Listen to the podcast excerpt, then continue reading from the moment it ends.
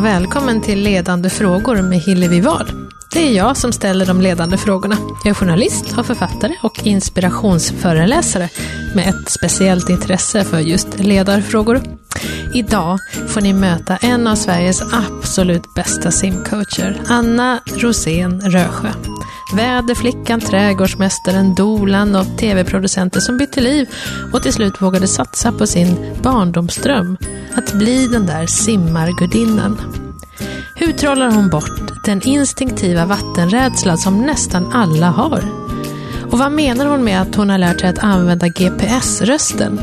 Och hur gör hon för att få alla att lyfta sig i håret till oanade höjder och lyckorus? När jag skulle börja simma så frågade jag runt och frågade vem är den bästa simcoachen? Mm. Och då sa alla att det är Anna. Varför tror du att de sa så? Ah, jag vet inte. Ehm, det där, dels är det så här att, ehm, att eh, förstå att man själv har någon typ av roll. Eh, att någon pratar om en, bara där tycker jag är jättekonstigt. att någon skulle rekommendera mig. Jag är så oerhört eh, ödmjuk inför det där. Och jag har lite svårt att koppla ibland, bara när du säger så, att hur, nej men nu, nej nu är inte jag riktigt eh, med. och jag tror kanske att man rekommenderar mig kanske för att eh, jag jobbar mycket med intuition. Jag tittar på dig, jag lyssnar på dig, jag ser dig och jag, jag gillar det. Och kanske är det någonting som attraherar en människa, att man, man får vara den man är lite grann. Det finns mycket som är rätt eller fel och hit eller dit, så här ska man göra, så här ska man inte göra. Men för mig så här, ja vi har den här grunden. Men sen så, oh men Hillevi, det här kanske funkar bättre för dig. Och vänta, vänta vad, vad, vad händer där nu? Att det liksom finns ett flöde i det där. Och sen att Eh, resultat är inte så jätteviktigt för mig, utan ditt resultat är viktigare för mig. Inte för mig liksom, utan att, eh, ja, någonting där. Eh, jag gillar att jobba med människor generellt, Hillevi. Det är där det börjar tror jag. Och kanske därför som folk gillar att simma med mig, för att Ja, det är människa i vatten. Liksom. Det, det är något, ja, människa i vatten. Det börjar nog där. Jag vet inte. Det är jättesvårt att svara på frågan varför man rekommenderar mig. Men eh, det, Alltså jag är ju egentligen en nobody på det sättet. Jag bara, jag bara kör liksom. Det, det är jättesvårt att svara Men du på. älskar själv? Ja, det gör jag. Det är en jättespännande historia. Jag tänkte på det innan du kom hit idag med mig själv som människa i vatten. Um, därför att uh, jag var det här barnet på kampementsbadet på Gärdet, det här sommarbarnet. Det var mycket med min mormor. jag och min lillebror. Jag är äldst av sex syskon. Och um, Eh, jag simmade jämt. Alltså jag simmade så långt. Det var helt galet. Och jag kommer att, det här, här börjar nog hela min simkänsla tror jag. Att en badmästare, då fanns det badmästare Hillevi. Man var inte badvakt, man var badmästare. Och han kom fram till min mormor och sa han, du den här flickan, henne måste ni liksom börja plocka upp och in i simningen. För hon är hon är helt otrolig. Jag tittar på henne här liksom dag ut och dag in och hon bara simmar kilometer efter kilometer. Alltså ni måste ju hjälpa henne. Hur gammal och du då? då kan jag, jag tror att jag var sex, sju år kanske, sex, sju år någonting sånt där. Och det som också var med vattnet, det var att jag kunde liksom aldrig få en simkarriär på det sättet som barn, därför att jag föddes med en defekt på ena urinledaren och det gjorde att jag föddes med kronisk urinvägsinfektion. Så för mig var i vatten, det var jätte ett jätteprojekt. Jag fick liksom aldrig bli kall, jag var tvungen att gå på toaletten hela tiden, jag fick aldrig ha urin i urinblåsan, ganska intima detaljer. Ja, ja. Men man måste ändå förstå ja. att det var för mig i tidig ålder en väldigt djup grej att vara i vatten, att få vara där. Jag älskade att vara det, men det fanns ett enormt, en issue kring det här. Eh, så min vänstra njure förstördes helt, så jag har bara en njure. Eh, och det där på något sätt jag fick liksom sluta vara i vatten, för det funkade liksom inte. Så jag kunde inte bli den där simgudinnan som jag hade tänkt mig. Eh, men eh, jag fick bli det på äldre dagar och det känns som en sån jäkla revansch. Och att kroppen har tålt det här. För det var liksom återtåget för mig, att liksom, ja, att få tillbaka simmaren i mig på något sätt, vatten, på kroppen och liksom, ja, det var väldigt eh, häftigt att, att våga igen, liksom. Och då kanske jag var, det är för 10-11 år sedan, någonting sånt där. Så jag tänkte, äh, jag måste ändå prova, liksom, igen. Och den där gruddrädslan från när man var barn, att akta vatten, inte för länge, inte bli kall. Och nu måste du gå och kissa. Det var så mycket stress kring det där. Och sen så när jag förstod att wow, det här funkar liksom för mig. Hade kroppen Eh, ändrat sig då? Ja, så idag lever jag ett helt friskt liv. Jag blev utskriven från njurenheten för några år sedan. Eh, Så det är helt amazing. Liksom. Den högra njuren har växt lite till och så här, ja, vi fixar det här. nu kör vi. så det känns, eh, ja, så. Mm. Men vem är du då när du simmar? Då är jag, det är, det är väldigt eh, kluvet för mig att simma. Jag är en oerhört, i mina egna ögon i alla fall, och i andras ögon också tror jag, en väldigt intensiv person. Jag är stilla väldigt sällan. Eh, Jag vill göra många saker på en gång. Mycket, jag har mycket att göra i mitt liv. Det är så många saker som jag vill hinna med. Så för simning för mig, det är ju en terapiform för mig. Har varit ganska snabbt när jag började ta upp simningen igen. Eh, och just det här att bara för mig att tänka, idag ska jag simma 3000 meter, där får jag panik. Det är helt... Varför gör du då till folk? Därför att jag behöver ta mig igenom vissa saker. Jag behöver slow things down och säga så här, nu ska jag göra det här bara. Inte tänka så mycket, gud vad jobbigt, oj vad långt. Nej. Och för mig har det varit lite att simma som att nästan föda barn. Det låter jättekonstigt. Men just att man tar det där ett dag i taget, nu gör jag det här. Ja, det får ta den tid det tar. Liksom. Så.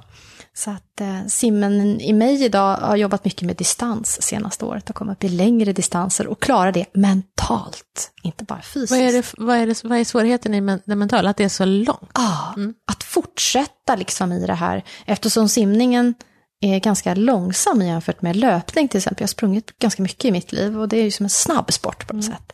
Så i simningen, där kan du inte ligga och kötta i 3000 meter, det funkar liksom inte. Så du behöver bara hitta den här du, du, du, du, du, du, du, dieselmotorn som bara kör. Och ett mål för mig som jag har uppnått i simningen, det är att komma in i flow. Att plötsligt så bara, det är som att sätta i en växel och så bara kör man. Och tricket för mig har varit att inte stanna, inte titta på klocka, inte tänka tid, utan bara känna den där lilla fiskebåten som bara kör. Eh, och det har tagit mig som människa till ett högre tillstånd, inte på ett flummigt sätt alls, men att acceptera att ha, den här känslan, den vill jag verkligen ha. Eh, och den har varit som en paus i livet. Jag kan inte tänka på någonting annat Hillevi. Nej. Det är helt tyst och det är sällan för mig. Inte ens när jag sover är det tyst. Jag drömmer ju. Det är liksom så mycket grejer. Men i simningen är det tyst. Men jag hade ju också det där, jag fick ju det när jag kom till dig. Och så såg du någonting i mig, du sa att jag var en natural floater. Det var jag det. Så här, vad, vad är det? Det lät så vackert när du sa. och det är och för mig, och det är lite rys för mig, det är väldigt vackert faktiskt. Eh, och det är just när man ser just en människa i vatten som bara, wow, du, du har det här liksom redan från start. Väldigt svårt att beskriva, men natural floater för mig, det är, du har en horisontell balans, det vill säga att ditt vattenläge från början, vi behöver liksom aldrig snickra i det. För det är det här som är det svåraste för människan, det är att benen är så jäkla tunga. Och överkroppen är så lätt. Och sen så har vi ett tungt huvud, så vi är så obalanserade från början att ligga där i det här konstiga materiet, vatten liksom. På land då står vi ju och, och liksom stabilt på fötterna och vi vet hur vi känner vår kropp, hur den rör sig, vad händerna och armarna är. Vi ser mycket av vår kropp, eller hur? Vi ser, vi ser vi inte ett skit, vi ser botten på sin höjd. Ja men så är det ju. Så att när jag såg dig där, då var det så här, wow, när det händer, när man ser en simmare som bara oh, ljudlöst liksom flyter igenom så där härligt. Det är, det är ett speciellt moment för mig som jobbar med så många människor i vatten. Eh, jättefint verkligen. Så att, eh, och jag var så glad, för jag Ja. visste också att du hade ditt det här målet. Liksom. Det, det, det var mycket, och jag var lite nervös inför det. Att, Gud, nu ska Hillevi lära sig kråla här. Ja, hur oss. ska det gå? Oh my god, she's a natural floater. det var liksom, bara där så var det så, ja, det var så fint, det var så bra. Men om vi backar lite där, för det var ju, bara den situationen, vi var väl åtta stycken tror jag ungefär, som skulle börja nybörja Ja. Eh, ja, eh, kan man säga, de flesta av oss var väl 50-årskrisen Ja. som ska köra någon triathlon när det hade eller sådär. Och, ehm, och det var så intressant, för, för det första så var det så att halva gruppen kom in och sa nästan från början och varje gång de försökte något, jag kan inte. Jag vet. Jag Och, vet. ha, och halva sa inte det. Ja, Det var en jätteintressant grupp på det sättet. Ja, och det visade sig sen efter de där sju veckorna att de som sa att de inte kunde, de kunde knappt, eller inte alls, fortfarande, och de andra, vi kunde. Och det, det här är ju, eh, om man då tänker att leda en grupp, om man ska prata om det, så är ju eh, ett mål är ju, eh, det kanske känns stort, men det är att få människor in på sitt eget spår. Och just när man uttalar sig om sig själv, jag kan inte, då blir jag väldigt nyfiken och frågar, hur vet du det? Eh, men ska vi ta reda på, du kanske visst kan. Samtidigt måste man ju spegla en människa och säga så här, kan du inte? Känns det som att du inte kan? Eh, och det där är ju ett jättemoment, att få en människa som halkar in och säger, jaha, men det funkade, ja, men du, du gjorde ju, du scrollade ju två tag nu. Ja, men, ja, precis, bra. Då stannar vi vid de där två tagen. Härligt, you did it. Du sa att du inte kunde, du kunde.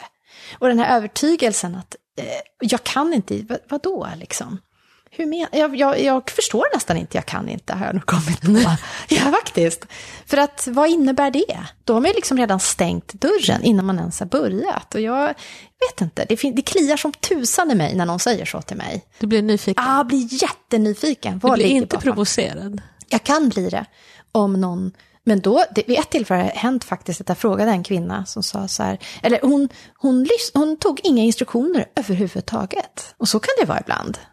Och så frågade jag henne, helt ärligt, vill, vill, du, vill du göra det här? Ja. Jag var tvungen till slut att bara, av ren nyfikenhet. Ja. No, hon blev helt så ställd, för jag tror inte ens att hon hade funderat på det. Ja, sa hon, jo men det vill men, men du vill göra din grej, eller hur? Du vill göra som du gör. Ja, ja, det vill jag. Bra, då fortsätter du att göra det. För ingen kan göra för min skull. Det är ju helt ointressant. Du ska göra det här för din skull. Vill du göra på det sättet så gör det. Funkar det för dig, fine. Där har jag växt som, som eh, coach och som ledare, att kunna acceptera det. Att alla måste inte göra lika, samma. Vet du, tvärtom Hillevi. Mm. Bra, nu kollar vi på Annette här. Wow, hon har hittat något. Berätta lite mer Annette, liksom. Mm. För det blir ju återigen rätt och fel och vi ska leda hit och dit och dit, absolut. Men ibland så missar vi de här fina stunderna där man bara wow, jag kan göra det här på mitt sätt också. Eller hur? Um, och i den här gruppen när jag kan inte och jag kan, så kan jag ganska snabbt idag säga vilka som kommer utvecklas på en kort tid. Det är hemskt att säga kanske, men någonstans så vet jag att inställningen är så vansinnigt viktig. Och sen kommer vi också till har du tränat sen förra gången? Ja, Akilleshälen number one. Har du inställningen då, jag kan inte, då kommer du heller inte med sannolikhet träna mellan varje gång. För du har redan sagt att, nej men det, det kommer ändå inte att gå. Jag går de här sju gångerna, jag gör det, men det kommer ändå inte att gå. Och därför var ju bara här, släppa taget och säga synd. Det som är jobbigast där är ju coach-egot där man säger, fast jag vill ju ändå att du ska få en bra upplevelse och klara det här. Ja. Men är det för min skull Hillevi, eller är det för din? I don't know. Så att det där, det där är ju en jättespännande process. Vad man ska släppa någon och säga, okej, okay, gör din grej. Ja, för man vill ju ändå vara lyhörd. ja. Man vill ju ändå ta med sig någonting som människor ja. säger, eh, det kanske gick för fort, jag kanske, ja. du vet någonting. Ja. Och sen så, mm. eh, men hålla den här känslomässiga distansen. Mm. För det är ju just det. Jag, jag är väldigt känslomänniska. Och det, återigen kanske varför folk gillar att simma med mig eller oss, det är därför att det är mycket feeling. Liksom. Eh, och vi har mycket dialog. Det. Vi har mycket dialog. Wow, Lasse! Kommer du ihåg Lasse där? Ja. Lasse, vad hände? Men gud, Jasmine!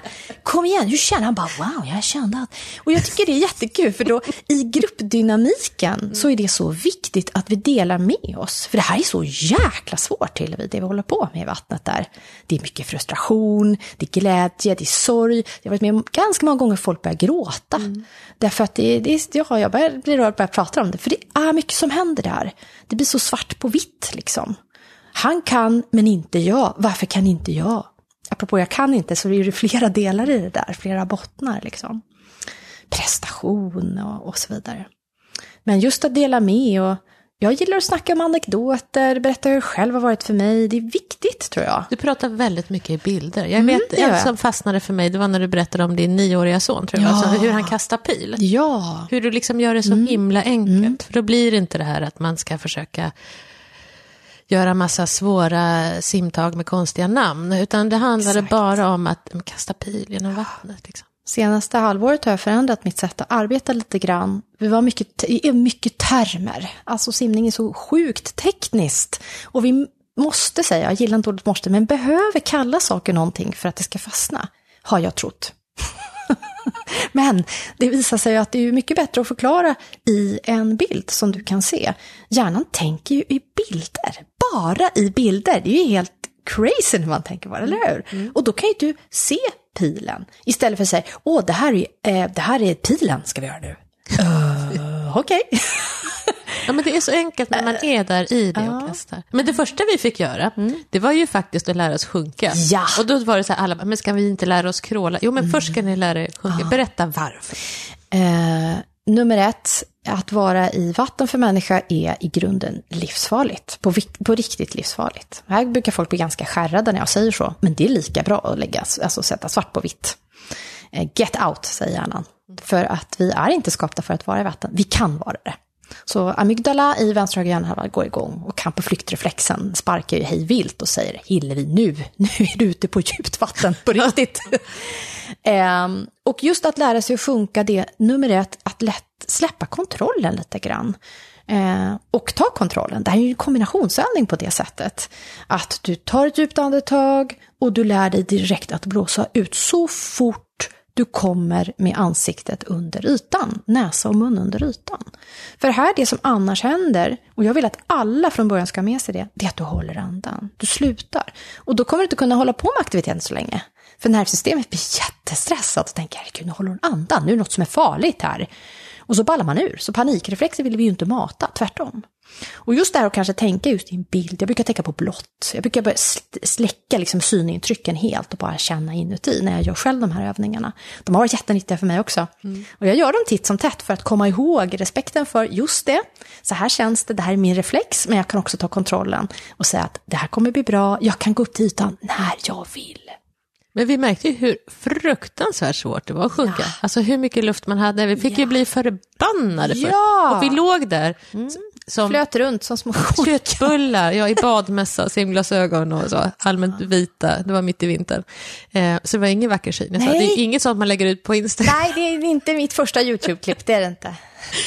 Men det var jättesvårt. Och någonstans var det att den insikten i kroppen fick mig att fatta, mm. jag som hade trott att det var ett hopplöst fall, för jag har aldrig kunnat ta mer än två kråltag, om det ens kan kalla det för det.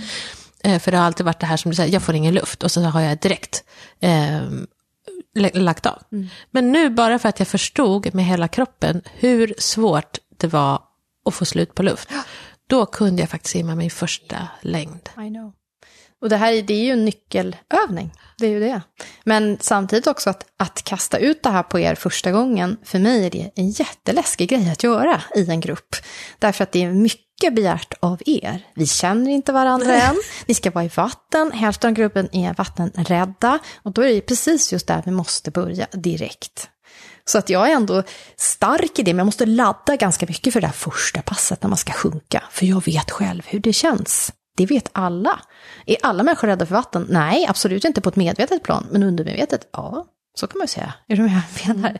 Så att eh, någonstans eh, så är den viktig, den är så jäkla viktig, för hela gruppen har gjort det, fan vi, vi gjorde det, jag kom ner till botten, wow! Det är en ganska häftig känsla när man väl känner att nu börjar min kropp sjunka. Eh, så att ja, den... Eh, mm, Just att man tar kontroll. Och det handlar väl det här som allt ledarskap egentligen, att ta mm. bort rädslor. Ja, Absolut. Rädslor tycker jag generellt styr mycket i livet idag, i mitt eget liv. Jag blir uppmärksammad på det titt som tätt och att vara rädd, orolig eh, för att någonting kanske eventuellt kommer att hända. Det är också helt sjukt.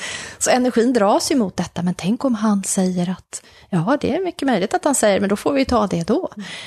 Eh, och att jag tror också att just i en grupp så här att alla upplever ju rädslan tillsammans. Det är en jäkligt stark känsla. Och så får man liksom ta sig igenom det där på något sätt. Att nej men nu, och det, det är ju ändå, om man jämför med att vara ensam med mig, när man tar en PT-timme till exempel, eller att vara i grupp, så det är ändå så, det finns en tonus känslomässigt, att man får skärpa sig på ett sunt sätt. Visst, vissa ballar ur, men det ska ändå mycket till. Man tittar på de andra, har intryck av flocken och säger okej, okay, så det gjorde hon och sen så gjorde han det på ett inspirerande sätt. Eh, alla har samma förutsättningar, så är det ju. Så att rädslan, den, den, vi pratar inte så mycket om den sen. Det är liksom inget Nej. som, alltså det, Sen är det klart. Sen är det klart, precis. Och du är ju väldigt tydlig där. Där kommer ju, för du, du din pappa var militär. Ja, ja. Var. Och där kommer den delen av dig fram ja. tror jag. För du är otroligt tydlig. Och det är liksom ingen, det är ju inte någon som inte gör det här. Utan det är bara Nej. så här ska vi göra och vi ska göra på det här mm. sättet. Mm. Och nu är ni jättebra allihopa och pepp, pepp. Ja, mm. mycket pepp. Alltså det behöver vi. Vi behöver mycket pepp och den är ärlig från min sida. Sen fick jag lära mig, dels av pappa då, som lärde oss eh, givakt och lediga manöver i köket. Då var man liksom två, två tre år gammal, det var innan middagen, givakt, lediga manöver. Så redan där så började det här, det vi kallar inom eh, en av mina metoder som jag jobbar med, som heter GPS voice. GPS-rösten. Ge kort information, typ sväng höger. Sen är det inget mer. Och det är också för att du ska kunna utföra det här så behöver du bara sväng höger. Men tänk också på att det, det är som redan där, då lost you at hello, det går inte. Utan det är givakt, leder manöver. Sväng höger. Släpp huvudet. Jaha, släpp huvudet där. Ja. Mm. ja. Och så gärna namn. Ja, Hillevi. Hillevi, Släpp släpp huvudet. Alltid namn. Ehm, ja. Det, ja, så, tydligt, kort och koncist. En jätteutmaning för mig, som det? pratar jämt, hela tiden. Jag pratar ju en timme i sträck, Hillevi, när jag jobbar. Ja, hur Det orkar du det? Ja, det är det roligaste jag vet. Ja, jag ser, vi Inte för att jag det. älskar att höra min röst, men jag, jag tycker att det är så spännande. Det här flödet. Och det är lite samma sak för mig när jag jobbar faktiskt, Hillevi. Att jag är också inne i flow. Det är en total koncentration på det jag gör. Jag kan inte sätta mig och surfa plötsligt, utan det är liksom, nu är vi här och jag har ett mission den här timmen. Och att den här gruppen ska komma kanske ett litet snäpp till på vägen. Eller få en insikt, eller du var i alla fall här. Så att, eh, äh, det, jag blir super, jag, det taggar mig jättemycket. Du är, du är det, du är extremt tydlig och du är extremt närvarande. Mm. Pratade om lite här innan, därför att du är nyfiken. Mycket. Jag tror att det är nästan största drivkraften. Jag vill veta mer, jag vill förstå mer hela tiden. Om dig och om mig och alla liksom. Och hur, för jag tänker, du har, jag har ju sett på ditt Instagramflöde, Mm. att du har, det är ju min research inför det här kan jag. Det är ditt Instagramflöde. Nej, ett spretigt flöde. Att det är ju jättemycket. Det är barn Ja. och det är träning och det Ja. är, man ska lägga upp eh, olika pass och, Ja. och allt vad det nu är, du det. Mm. flänger och far. Och, och, men ändå att liksom bara kunna stänga av och nu är jag här. Har du någon metod för det eller hur gör du? För att kunna vara så närvarande i varenda människa du möter. Ja. Ehm, ja, faktiskt är, har jag lärt mig genom åren att inte tänka för mycket. Det kan ju låta jättekonstigt. Jag är helt oplanerad. Verkligen inte. Men planeringen är klar. När passet börjar så vet jag precis vad jag ska göra. Sen kan det vara så att jag förändrar lite under passets gång. Och det har också med erfarenhet att göra, att jag kan vara så närvarande. Att jag kan flytta om i schemat och tänka, nej, det där funkade inte. Då gör vi så här. Och lite är det som fallskärmshoppning, man måste bara kasta sig ut och så drar man skärmen. Det är ju också det här att ha, eh, ja, alla yrken jag haft genom hela mitt yrkesliv har varit kniven på strupen. Det är liksom inte så att man bara, nej men hörni, det här kändes inget bra. nej, alltså jag tror att, nej, men alltså, det, det är inte så, utan det är nu. Det är live. Det är liksom no turning back. Det du har sagt har du sagt. Det får du stå för. Så det är lite, det är den här edgen. Sen är jag jäkligt trött mellan passen för att det är en sån edge hela tiden. Fast jag funkar inte utan den Hillevi. Jag har bara accepterat det. Men titta tillbaka historiskt. Jag måste ha den här lite liksom skarpa äggen på halsen där för att liksom funka. Intuition, det blir ju det liksom. Jag gillar det, det är live. Det är att man live. lever Ja. livet live. Det är live. Det är, här, det är här och nu. Men ska vi dra några av de eh, jobben som du har haft? Herregud. Jag pratade med mina barn om det häromdagen. För de är den här nya generationen, du vet. Man, ja, mamma, har du hundra kronor? Ja, ja, Bara, ja. What? eh, nej. Jag började mitt första jobb, då drev jag en tenniskiosk i Skåne på sommarlovet. Så jag drev igång den där frågan, du den här hytten här, är det någonting som man skulle kunna? Då var jag kanske 12 eller något sånt där. Bra. Jobbar på en städfirma inne i stan, inne i Stockholm här. Eh, Fatal hette studion. Nu kommer de ägarna höra det här. Jättespännande. Jag och min bästa kompis Katrin, vi eh, körde varje söndag där. Tvåvåning, så här, s- det var 80-tal, det var speglar överallt. Och så var det solarium, så vi solade på arbetstid. Så solade vi solarium, vi dammsög hår. Vi hade time of our life varje söndag där inne på den här Fatal. Så vi, jag körde på. Så jag har jobbat, sen började jag på Glada Lax. Jag har haft så många jobb redan tidig ålder. Eh, och just det här lite som har fortsatt sen genom mina yrken, att det här har jag aldrig gjort, så det funkar säkert jättebra. Har du pluggat det här? Folk, folk? Nej, eh, nej, jag har bara läst allting som finns på M1. Extraherat russinet och sagt det här, det här, testat själv. Ehm, Efter skolan så började jag plugga film, massmediekommunikation och kom in på TV4 på ett bananskal genom en, en familjevän. Och gjorde en karriär där faktiskt, jättespännande. Där hade fyra tjänster parallellt. Så jag jobbade som väderflicka, traffic, bokade alla reklamblock, studioman, jättedålig på studioman. Bröt ihop, bildproducenten skrek, jag pekade alltid på fel kamera. Och sen så var jag reklam, reklamfilmsproducent. Och det är här egentligen allting börjar, där man insåg att bild var någonting för mig. Och här kommer vi tillbaks till bilden. Det här är himla intressant. Att leva i bild, se bild, förstå bild. Så det kokades ner till att jag började klippa och redigera väldigt mycket. Eh, gjort eh, jättemycket inom film och tv, liksom så. Dokumentärer, djupa dokumentärer och Big Brother, you name it. Så jag gjorde en, faktiskt en ganska stor karriär som just klippare. Det blev min grej. Och musiksatte allting. Ingen fick musiksätta, ingen fick ljudlägga. Jag skulle göra allt. Så, I'm in charge. Sen eh, ja, fick vi vårt första barn. Och där någonstans började det slira ganska rejält. Faktiskt. Eh, där jag insåg att den här typen av kniven på strupen funkar inte att sända live vid satellit när man är liksom kräks mellan graviditet. det funkade liksom inte. Jag fick panik. Och jag blev mamma. Ja. Det var det. Back to the cave. Det var, kom som en chock. Så för att ta mig ur det här mediaträsket på något sätt, som jag älskade, och den här presta underbart liv, så var jag tvungen att hitta på något nytt.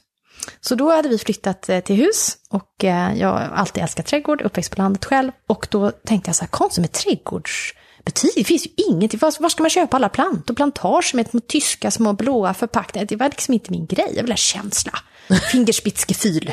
Man skulle in och trycka på brännaren och bara, oh, jorden är så fuktig. Och det, liksom, det var något som hände där. Så jag bara med ett par vänner sa så här, men hörni, kan, vi inte, kan man inte bara starta, liksom, kan man inte köra liksom, en liten plantshop? Så tänkte jag, Anna in the garden ska det heta. Det är klart, egot bara ballar ur totalt. Anna i trädgården. Eh, Det, det var ju så långt att mina barn började kalla mig för Anna istället för mamma. För jag var alltid ute i trädgården. Anna, det är middag.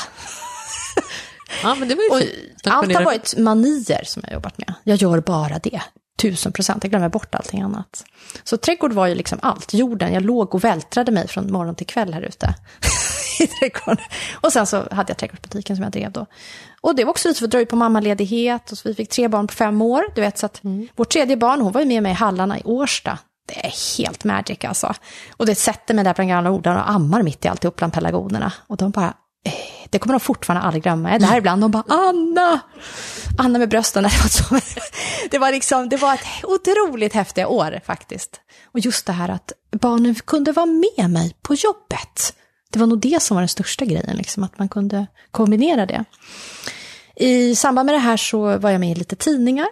Blev intervjuad. Det var den här trädgårdsboomen som kom. Mm. Under två, tidigt 2000-tal där startade den kan man säga. Att börja liksom jobba med sin trädgård blev modernt. Ja. Så jag var med i Amel, jag var med i massa tidningar plötsligt då. De intervjuade mig om det här.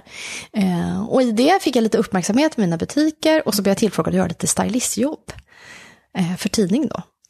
Så här kommer vi tillbaka till bilden igen, liksom. Och just en annan grej, bestämma själv. Var ensam i det man gör. Här ska den här vasen stå och den här blomman ska vara där i. Så. så om du tar det fotot från den vinkeln, och det här är också ledaren, den här som styr upp och bara, japp, så tänker jag med det här, effektivt, chop, chop, chop, chop, chop. Ritat alla skisser innan, ordning och reda. Så. Och det här ledde ju till en liten stylistkarriär, så då blev det ett nytt jobb. Eh, jättekul, fick göra omslag och liksom det var, ja. Blev tillfrågad av Family Living, skriva en eh, trädgårdskolumn för dem under några år och så. Eh, och sen mitt i allt det här så började min man göra någon typ av, eh, ja det kanske var en midlife crisis, jag har ingen aning. Lite så. Han började göra triathlon. Och det var ingen människa som hade hört talas om det här. Det här var ju kanske 2007, 2008 någonstans där. Det kanske inte låter så länge sedan, men det är ett tag sedan Ja. liksom. Eh, och jag fick i present till Tjejmilen. Jag bara, eh, va? Vad, vad händer nu? För du hade inte tränat? Mm, inte så. Jag hade elitseglat när jag var liten, så jag har seglat väldigt mycket hårt. Jävligt hårt ute på Öresund. Där kommer vattnet också. Ehm, och gjort massa annat, och konståkning och sådär. Men eh, så i det så började också en ny era, fam- träningsfamiljen. Eh, och i det också så avvecklade vi butikerna, det blev för mycket tid med för lite ekonomi och så vidare. Sådär. Eh, och under alla de här åren, tio års tid så jobbade jag som, eh, dessutom, nu kommer det här röriga, alla de här att jag alltid, aldrig har jobbat med en sak, utan det har alltid varit så mycket parallellt, det har bytt av varandra. Så jag jobbade som profylaxinstruktör. Föda barn, det har också varit en mani. Man kan inte föda hur många barn som helst, Hillevi. Då måste man ju jobba med andra som föder barn. Eh, så jag hade lite parallella jobb där för att liksom, ja, rulla, rulla lite ekonomiskt och, och så. Um, vi, ja, det, hur ska man komma in på ett kort och koncist sätt här? En kväll så ropar min man på mig i källaren och säger så här, Anna, du måste komma och titta på en grej. Och då hade han gått sina första crawlkurser. Det här var 2000, oh, 2009 tror jag det var. 2008 kanske. Och eh, då, då ser vi plötsligt en man på YouTube glida ljudlöst genom vatten. Han krålar. Man ser honom inte andas, han sparkar överhuvudtaget ingenting. Eh, och jag hade också börjat ta upp min krål igen, liksom sådär, och vi bara, vad är, nej men vad är det här? Eh, så. Och sen så googlade vi då, så heter det total immersion, hette den här simtekniken. Det finns, fanns en enda person i Sverige som omtalades då, det var Anna-Karin Lundin, som är min chef idag. Så jag stalkade ju henne under ett halvårs tid, jag messade, mejlade, liksom. kan, du, kan vi göra något av det här? Och när jag såg det här så var det så här, det här måste jag ha. Återigen till den här manin, det här måste, det här måste jag liksom bara knäcka koden till. I want this. Köpte böckerna, alla DVD-er. Patrik, vi, vi, liksom, vi tränar varandra, min man och jag. Och eh, ja, på den, på den vägen är det liksom. Det började jättemycket med det. Hur översätter man total immersion? Total nedsänkning. Hela kroppen ska vara nedsänkt i ja, princip. I princip. Dit av huvudet vill man se. Eh, och det är ju också en tråd det här med att leda, att ha en metod. Att ha en stomme där man säger this is how we roll, men vi kan också tänka oss att göra så här, men det här är liksom ryggraden. För det gillar jag, att ha någonting, om du frågar mig så ska jag ändå kunna svara. Det finns lite vattentätt, liksom, apropå det, bakom. Så jag gillar att plugga metod, eh, fakta, siffror och så vidare. Så det passade mig väldigt bra. Eh, Så för eh, fyra år sedan, kanske det är nu, tre år sedan, eh, så frågade Anna-Karin som jag fick tag på, började simma för, vill du bara jobba för mig? Och då var jag i så breaking point i mitt liv. Jag jobbade bara med profylaxkurserna, jobbade som doula, hade gjort några år, det vill säga att man är med människor när de föder barn. Du vet alltså aldrig när du arbetar, eller hur lång tid det kommer ta. Ja, det. Det var ett slitage blev det ganska mycket, även om det var ett fantastiskt yrke så blir det så. Så här kom liksom bara, det är som livet är, synkronicitet. I den här tvekan vad jag höll på med. Och, eh, och jag bara, eh, ja, eh, ja. Och Patrik var med här, vi hade, tog en lektion för henne, han sa kör, do it. Så utan att veta överhuvudtaget vad jag hade sagt ja till så, så jobbade jag för simcoachen då, som jag jobbar för idag. Och blev Det- så bra. Men kan du se en linje i alla de här jobben? Ser du någon röd tråd i Ja, allting? det gör jag. Ensam. Mm. Alla de här yrkena har aldrig varit i grupp egentligen. Om jag har jobbat med, med andra människor så har mitt jobb varit ensamt. Liksom. Det, är inte, det finns ett team bakom och ett crew, men, men nej, jag bestämmer själv. På ett eh, både sunt och osunt sätt. Jag har liksom sett till att fixa det så att eh, det, jag gör det på det här sättet. Eller så får det vara. liksom. Den handlar väl också ganska mycket om urkrafter, tänker jag bara. Jag åtminstone ta några av de här. Alltså både föda barn, hålla på med växter och, och simning. Mm. Att liksom hitta det här flowet som du säger, när man, när man inte behöver anstränga sig. Nej, det, det kan nog absolut vara. Samtidigt som jag då upplever själv att det är mycket ansträngning i alla de här yrkena. Det kräver så mycket kraft på ett annat sätt och energi att läsa in och liksom kunna mycket. Ehm, mm.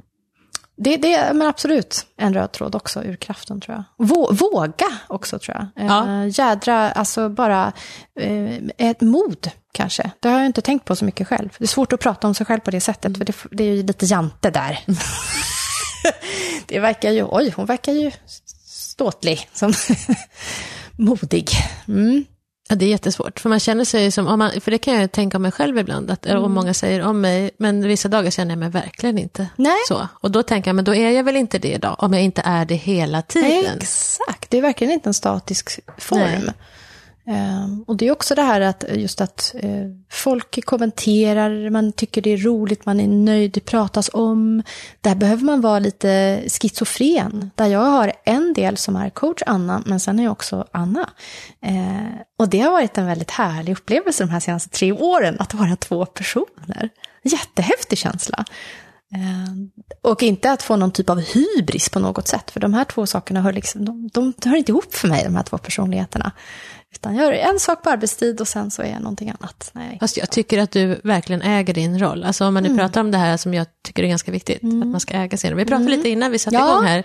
Men vad tänker du om det, att man ska äga sin roll? Att alla kanske är ledare? Eller? Ja, jag, precis. Jag sa ju det, jag hade tänkt lite och prata för mig högt för mig själv innan du skulle komma här. liksom för att tänka igenom just vad, vad, vad det här är för någonting just med ledarskap och äga sin roll. Eh, och någonstans eh, i det här så, så kom jag på det att le, ledarskap, alla leder sig själva faktiskt. Och den där grejen kom jag på är ju jätte också nyfiken på. Att jag vill att du ska leda dig. Så att det här är liksom en typ av självkännedom bara att, att simma med mig är ju mer än så. Så skulle jag nog vilja säga att det ska vara. Att ja, vi, vi gör det här passet, men det finns ett djupare plan här. Och det är att du ska göra det här passet själv sen. Du ska leda dig. Så det finns en, det finns en liten konkurrenssituation att du, du ersätter mig. Och det är ju så himla fint. Mm. Uh, och det här self-coaching system som Total Immersion mycket stod för när jag började jobba med den metoden, att det här är till för att du ska kunna göra det här själv, utan någon. Jag bestämmer ju själv om jag går upp på morgonen eller inte. Redan där börjar ju mitt inre ledarskap. Ja, nu ska jag äta en rostis med smör. Liksom. Så att ledarskapet har ju alla människor det leder ju dig på olika vägar. Högt och lågt och liksom kanske inte så uttalat. Och det är jättespännande att tänka så. Du leder dig ju själv. Vem ska annars göra det? Du kan ta inspiration av någon annan, Hillevi. Men det är ju alltid du som fattar beslutet sen, om du gjorde något eller inte. Och sen är vi en förebild för andra, oavsett. Absolut. Inte minst barn. Ja, och verkligen. Igår så alltså, var min dotter och jag iväg en sväng, skulle göra ett litet ärende. Eh, och jag har blivit den här otroligt pinsamma mamman som pratar med expediter. Gud, den här osten god. Och liksom de här som, jag vet inte vad som har hänt, men det, det är en skön känsla. Och jag, jag struntar lite i vad expediten tycker. Det är lite nytt för mig. Jädrigt härligt. Så sa jag till min yngsta dotter så, så här, jag har blivit jättebundes med en, en tjej på Hennes och Mauritz nämligen. Jättekonstigt. Jag är där lite för ofta kanske. Och vi bara så här, tjena, hello sister, och liksom vi har så roliga grejer going on där. Och ja, vi skojar, men vad hej är du här igen? Hon gav mig en kram igår. Oj. Hur många Hennes och Mauritz-expediter ger en kund en kram? Och det är inte för att hon ska få provision. Nej. Men så sa jag till min yngsta dotter så här att, alltså jag bara, tänkte det, har du tänkt på att jag är alltid glad mot de här människorna. Vi bara kör liksom. Och de är alltid glada tillbaka. Så det blir en sån himla ge och ta. Mm. Vet du vad hon sa då, min yngsta dotter? Gud vad du skryter mamma om dig själv. Och jag tyckte det var så himla intressant. Jag bara wow, oh, aha, jag trodde liksom att det är så life goals. Jag tänkte att jag skulle ge dig någonting nu. Att är du glad så kan man vara glad tillbaka. Nej, det där tycker jag, det tyckte hon var liksom lite too much. Men ehm, ja, jag kommer fortfarande försöka vara den glada människan. Sen svär jag när jag kör bil, men det är en helt annan sak. Det är, det är svårt med bilar alltså. Jag drängde faktiskt näven i en bil häromdagen som ja. köra på mig. Ja. Ja, Precis. Och det skulle gjort det om igen, mm. liksom, hundra mm. gånger. Och det var jättedumt, för det kom bara ut tre ja. Mm, stora män som stod och skrek åt mig. Mm. mm. Men, eh, men det var väldigt skönt att få dänga den där näven i bilplåten. Mm. Då, för jag var så rädd. Äga sin roll, jag kom också på det här med att, att liksom, kan jag så kan du. Apropå kan inte. Så är det lite så att, ja men nu är ju vi här och, och gör det här, så att häng på liksom. Det har också varit en röd tråd tror jag. Uh, ja. Men du, egentligen kom jag hit bara för att jag ville fråga dig en sak. Ja. En sak som var viktig för mig just sak. nu. Ja, och det är det här när man blir vilsen. Ja. För om man nu ska ta en metafor med vatten, så, är det mm. så, alltså, så länge man vet vad den här bojen som man ska simma mot är, ja. så är det ju inget svårt. Då kan man ta det i sin mm. egen takt, mm. man, tar ett, man behöver inte liksom tävla med någon, man ska bara bort till den här röda bojen där borta. Men så kanske man tittar upp och så har de flyttat på bojen ja. åt andra hållet. Mm. Och nästa gång man tittar upp så har de flyttat åt andra hållet, mm. man blir tröttare och tröttare. Till slut så kanske någon har tagit boj, bort bojen helt. Och det är lite så jag känner nu, för att min oh. kropp krånglar. Precis. Så jag kan inte simma just nu, mm. kanske på, ja, på obestämd mm. tid. Och ja, hur tänker man då när man blir sådär vilsen? För då vill jag bara... Mm. Jag blir förvirrad, jag vet inte åt vilket håll jag ska simma. Liksom. Nej, livet. eller hur? Nej. Det är ju så att idag har vi en stor plan. Vi vet alltid mm. var vi ska mm. någonstans, eller hur? Mm. Ganska, jag har ju typ årsplanering, mm. eller hur? Um, och det där, jag har själv varit med om det där Eh, Att någonting rycks bort som har varit en självklarhet i ens Mm. Ja. liv. Och så roligt och så kul. Så roligt Ja. och man mår så bra och så bara oj. Och det tror jag mycket är kroppen och knoppen. Den separata, de, de är så separerade. Den enheten är inte riktigt där i de här momenten där bojen försvinner. Där hjärnan säger keep on swimming. Nej men det är bara att köra på. Ja, säger kroppen, men jag, jag kände nog att jag, jag kanske inte, all, inte orkade det. Jo, du orkar. Den här inre dialogen plötsligt bara försvinner. Ehm, jag, eh, ja, det, det är lite det här svårt, för det blir lätt hurtigt när man ska ta sig igenom och sånt här. Man ska vara tacksam för allt man har. Men någonstans i det där så är det ju också där man måste börja. Okej, då kunde jag inte göra det här. Men då ska vi se, vad kan jag göra då? Så då får kanske man liksom lägga en liten pausfågel på det här och säga att det finns kvar.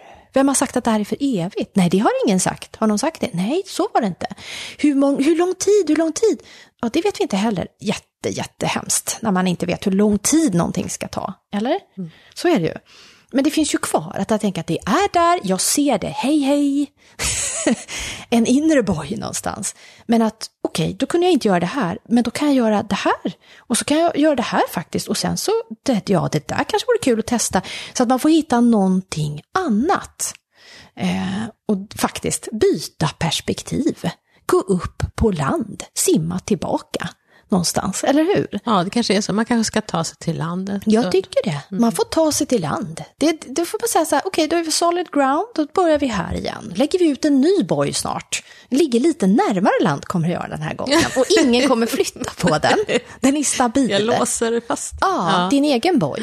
För det är också det här med att bojen flyttar sig. Då Mm. kanske det inte har varit din boj, det kanske är någon annans. Eller Just normens boj, eller liksom så. Ja, för det, det pratade eller det läste jag någonstans också i ditt Instagram, det här med att vi försöker tvinga in oss i för trånga kostymer, i Verkligen. mallar. Mm. Eh, vi har en tonårsdotter som gör oss väldigt uppmärksam på att normen, det är lika med noll. Det är liksom helt ointressant. Och där är ju jätteintressant alltså. Ehm, hur man liksom kan frigöra sig från att, ja men så här ska det vara. Hon biter på naglarna. Biter på naglarna. Nej, det spelar ingen roll, säger hon. Eh, nej, just det, det kanske inte gör. Men de är bra att ha liksom. Men det är de här, apropå normen hela tiden, hur vi ska vara. Och nu skulle du göra det här, nu hade du ett mål. Och så är det uttalat för andra och så Ja. kommer de åsikterna och så får du tips och råd. Och då blir det liksom den här grejen, jag måste klara det. Och någonstans, det, det, där, det, det är där vi snubblar tror jag. Att eh, den egna normen, vad är det då? Eller hur? Så att det måste ju bli en egen norm någonstans som ska leda dig. Det är svårt, det är jättesvårt. Vi i, lever i en värld där vi har, syns mycket, vi hörs mycket. Ja, men jag tänker även på arbetsplatser, Ja. när man nu är ute och pratar med, för, förutsättningar ändras ju oftast hela tiden. Och det finns ju en, en trötthet till det, att man, ja, vi kör mot det här målet. Och, Ja. och till slut så orkar man kanske inte Nej. göra en omstart. Um, um, apropå mål så har kanske ett mål varit att inte ha, ha ett mål för mig. Det har varit en jätteintressant process. Från att ha sagt så här, ja, nej men jag tränar för jag ska springa det här. Ja. Eller jag ska simma så här långt. Det är mycket möjligt, men jag kanske också bara kan simma. Mm. Simmar jag mindre då, kortare, för, eh, det, här är, ju- det, här är ju, det här är vårt största målet. Nej, det gör jag faktiskt inte. Är det bättre kvalitet? Ja, det är det, för jag känner inte stressen över att åstadkomma just det här just då. Eh, det har varit aj, helt ljuvligt. Förut har jag behövt ha tydliga mål för att träna till exempel kanske. Göra inte, springa intervaller för att man ska springa en viss... Men nu är det så här, ja men nu springer jag intervaller då. Det är skit, skitsamma. Det är ju jättekul om det går bra ändå, men det är liksom jättespännande att jobba utifrån det. Så att målet, ja, det är faktiskt passet idag. Det, det är mitt mål. Det räcker där. Och du, för dina, dina eh, lektioner, simlektioner, Ja. säger jag ibland Ja, bara så här, ja, lite, ja. Men eh, vid ett tillfälle så sa du något som har fastnat så väldigt Mm. i mig, och det var eh, att vi behöver inte prestera någonting. Alltså vi behöver, det är så väldigt lite vi måste. Verkligen. Och det ordet måste. Varenda gång jag själv säger måste så får jag en liten sån här snurp i halsen. För att måste, det, ja, det är, jag, jag står för det. Det är jättefå saker vi måste göra. På riktigt är det så. Vilka är det? Ja, vi måste äta, vi måste sova, vi måste älska. Måste man älska? Ja, sig själv kan man älska, det räcker så bra. Det kan ju vara liksom högtravande, men någonstans eh, så. Eh, Vi, ja, vi måste tjäna pengar? Frågetecken. Ja, idag, som vi bor och lever idag? Ja, absolut. Eh, vi måste vi gå i skolan? Ja, det, det är bra. Alltså det, det, man, det är jättespännande att börja tänka på vad är det vi verkligen måste, om vi nu säger så. Det mesta väljer vi. Basalt är det ju, det vi måste egentligen, eller hur? Behovet för dagen, behovet för timmen. Va? Mm. Det är resten, väldigt bra tanke. Det, ja, resten lägger du ju på dig själv. Nej, jag måste, nu måste jag ut och springa. Nej, då tycker jag verkligen inte du ska springa. det lät inte så roligt. Um, ska vi ta någon sån här eh, rolig grej också på slutet? Har du någon sån där bästa fuck-up som du har gjort? För det har varit något tema de senaste tre. Åh, oh, herregud. Ja, ja, men det har jag verkligen. Alltså, jag, jag gillar ju ordvitsar och, och skojsa till det lite grann. Eh, och just det har vi haft eh, ett mantra, just att man ska ha väldigt god hållning i simningen. Man ska alltid ha god hållning på land också, men framförallt i simningen, att vi sjunker ihop så mycket i den här liggande positionen. Och då ofta brukar jag säga så här, skjut fram bröstet, visa bröstet. Och då, första gången, det här har hänt flera gånger, visa brösten! Och liksom just det här att, att det blir, kan bli så oerhört fel i en grupp. Visa brösten, visa pattarna. Okej, okay, did I say that? Ja, det gjorde jag. Och sen så har då grupperna varit oåterkalleliga. Sen har det bara blivit liksom kiss och bajs. Det är helt sjukt när man släpper på den där sista spärren. Visa brösten, visa brösten! Visa pattarna! Okej, okay, ja! Och gruppen bara blir helt frigjord, in the nude plötsligt liksom. Och, och det här, ja, det är så jädra viktigt att skratta. Man måste kunna skratta åt det det blir ju lite Tourettes liksom. jag kan inte säga det och jag sa det. Tack så hemskt mycket Anna för att jag fick träffa dig. Tack Helena.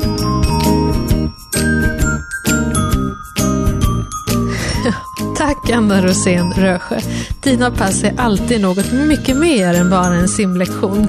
Du ger oss en härlig livskurs i hur vi kan leda oss själva och andra i och utanför vattnet. Det här var faktiskt det sista avsnittet för den här säsongen. Nu gör vi ett sommaruppehåll. Och i höst kommer jag att intervjua unga ledare och inspiratörer. Lyssna gärna då. Och om ni gillade samtalet så blir jag jätteglad om ni delar vidare. Vill ni kontakta mig eller ha tips på unga inspiratörer och ledare som ni tycker att jag ska möta i podden till hösten så finns jag alltid på hillevi.hillevi.nu. Tack alla ni som har lyssnat.